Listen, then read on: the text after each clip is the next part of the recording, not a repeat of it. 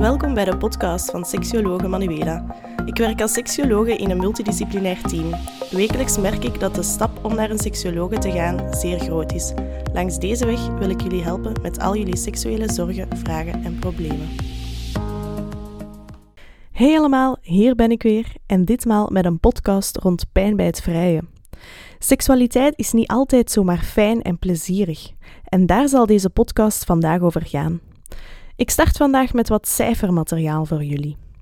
Ongeveer 10% van de vrouwen kan geslachtsgemeenschap als pijnlijk ervaren. 11% van de vrouwen onder de 25 jaar ervaren regelmatig pijn bij het vrijen.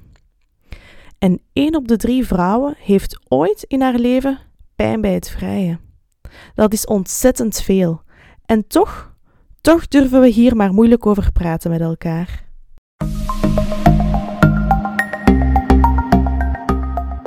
We gaan starten met te kijken hoe pijn bij het vrije kan ontstaan of wat dat de mogelijke oorzaken kunnen zijn. In eerste instantie wordt er al snel gedacht aan een fysieke oorzaak, zoals bijvoorbeeld een bacteriële infectie, een SOA of een schimmelinfectie. Die eerste symptomen van pijn bij het vrije komen hierdoor vaak terecht bij de huisarts. Soms denkt men ook in de richting van bepaalde ziektes, zoals bijvoorbeeld endometriose. En endometriose is een gynaecologische aandoening waarbij de cellen van het baarmoederslijmvlies, die dan normaal aan de binnenkant van de baarmoeder zitten, ook aan de buitenkant van de baarmoeder voorkomen. En die horen daar niet te zitten, dus dat veroorzaakt pijn. Maar pijn bij het vrije kan ook liggen aan je bekkenbodemspieren. Meestal door een te strak gespannen bekkenbodem. Als je bekkenbodemspieren zo hard gaan aanspannen tijdens het vrijen, dan kan je pijn ervaren. Wat zijn nu die bekkenbodemspieren? Die bekkenbodemspieren zijn een groep spieren tussen het schaambeen en het staartbeen, rondom de plasbuis, de vagina en de aars. Die bekkenbodemspieren kan je eigenlijk zien als een soort van hangmat rondom de vagina. In sommige gevallen zijn de bekkenbodemspieren zo gespannen dat er zelfs geen vinger of tampon in de vagina kan ingebracht worden. Als er dan een penis wordt ingebracht, ontstaat er zeker pijn, veel pijn. Dit noemen we ook wel eens vaginisme of vaginistisch reageren. Maar meestal weet men eigenlijk niet zo goed waar die pijn vandaan komt. En wanneer er geen duidelijke diagnose gegeven kan worden, wanneer men de hiervoor opgesomde diagnoses bijvoorbeeld kan uitsluiten, dan geeft men een diagnose VVS, of vulvair vestibulitis syndroom, of vulvodynie. Een draak van een woord om eigenlijk te zeggen: je hebt pijn bij het vrije, je vulva en je schaamlippen reageren overgevoelig, maar we weten niet hoe dat het komt. Vulvodynie is pijn aan de vulva, dus aan de buitenkant van de vagina, door een overgevoeligheid van die vulva. De gynaecoloog kan dat wel testen door een Q-tip-test af te nemen. En hoe gaat dat eraan toe? Dan gaat de gynaecoloog met een wattenstaafje druk uitoefenen ter hoogte van het vulvair vestibulum. Dus met een wattenstaafje wordt op zes verschillende plaatsen met de wijzers van de klok mee een lichte druk uitgeoefend. En vaak ervaart de patiënt dan hevige en branderige pijn.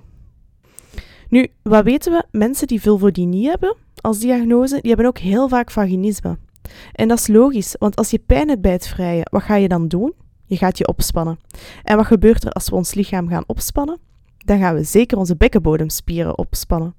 En ik heb jullie al verteld, wanneer we onze bekkenbodemspieren te hard gaan opspannen, dan gaan we vaginistisch reageren. Nu, veel artsen die zijn nog niet vertrouwd met vulvodynie en daardoor um, wordt die diagnose eigenlijk regelmatig gemist. Vaak wordt er dan een verkeerde of helemaal geen diagnose gesteld.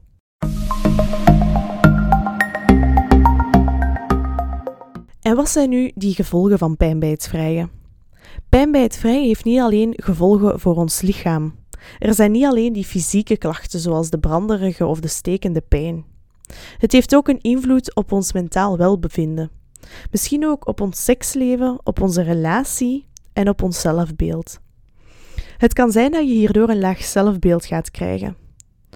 Een gevoel van angst als je aan seks moet denken, of misschien wel een gevoel van schaamte of van schuld. Door deze negatieve gevoelens en gedachten ten aanzien van seksualiteit kan je in een visieuze cirkel terechtkomen. De pijncirkel van Spano. Ik leg hem jullie graag eventjes uit. Op een gegeven moment heb je pijn ervaren.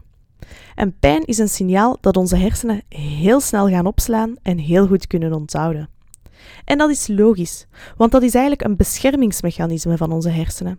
Zij willen ons gaan waarschuwen van: pas op, dat heeft hier al eens pijn gedaan. En hierdoor kan er angst ontstaan. De angst om opnieuw pijn te gaan ervaren. En wat doet angst? Angst zorgt ervoor dat je lichaam gaat verkrampen. En wat gebeurt er dan als je lichaam gaat opspannen? Dan ga je bekkenbodemspieren dus ook opspannen. Dan ga je ook minder seksueel opgewonden geraken en ga je dus ook minder vochtig zijn. En als er dan penetratieseks is, dan is er ook nog eens de wrijving van die penis in de niet-vochtige vagina en dan krijg je pijn. Dit alles kan er ook toe leiden dat door de mechanische wrijving van die penis in de vagina er ook kleine beschadigingen van de binnenkant van de vagina gaan ontstaan, kleine wondjes bijvoorbeeld. En dat leidt dan tot nog meer pijn. Dit alles leidt dan tot een overgevoeligheid van de vagina, pijn en geen fijne ervaring met seksualiteit, die je hersenen goed zullen onthouden.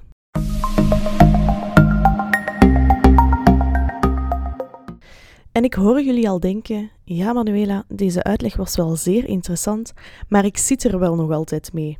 Ik heb nog steeds pijn bij het vrijen. Wat kan je dan doen? Praat erover. In eerste instantie met je partner. Want ook je partner zal zich misschien afvragen waarom je minder geniet van seks. Waarom je hem of haar meer afwijst voor seks. Waarom jij minder verlangen hebt in seks. Blijf er niet mee zitten en zoek hulp. Denk niet, dit zal vanzelf wel overgaan.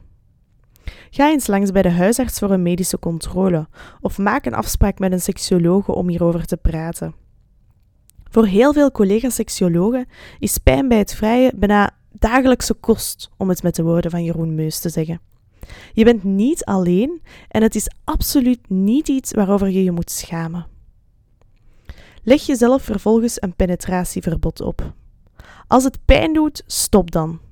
Ga samen met je partner op zoek naar andere vormen om seksualiteit te beleven. Maak het jezelf zo aangenaam mogelijk. Zorg voor een ontspannen lichaam. Merk je dat je onvoldoende vochtig bent? Aarzel dan niet om een glijmiddel op waterbasis te gebruiken.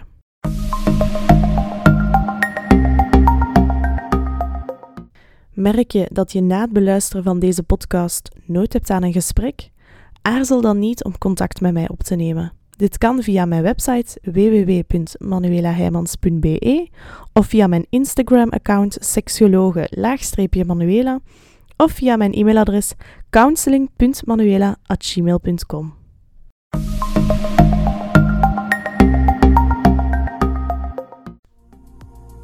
Bedankt voor het luisteren. Vergeet ook zeker niet mijn Instagram-account seksologe-manuela te volgen.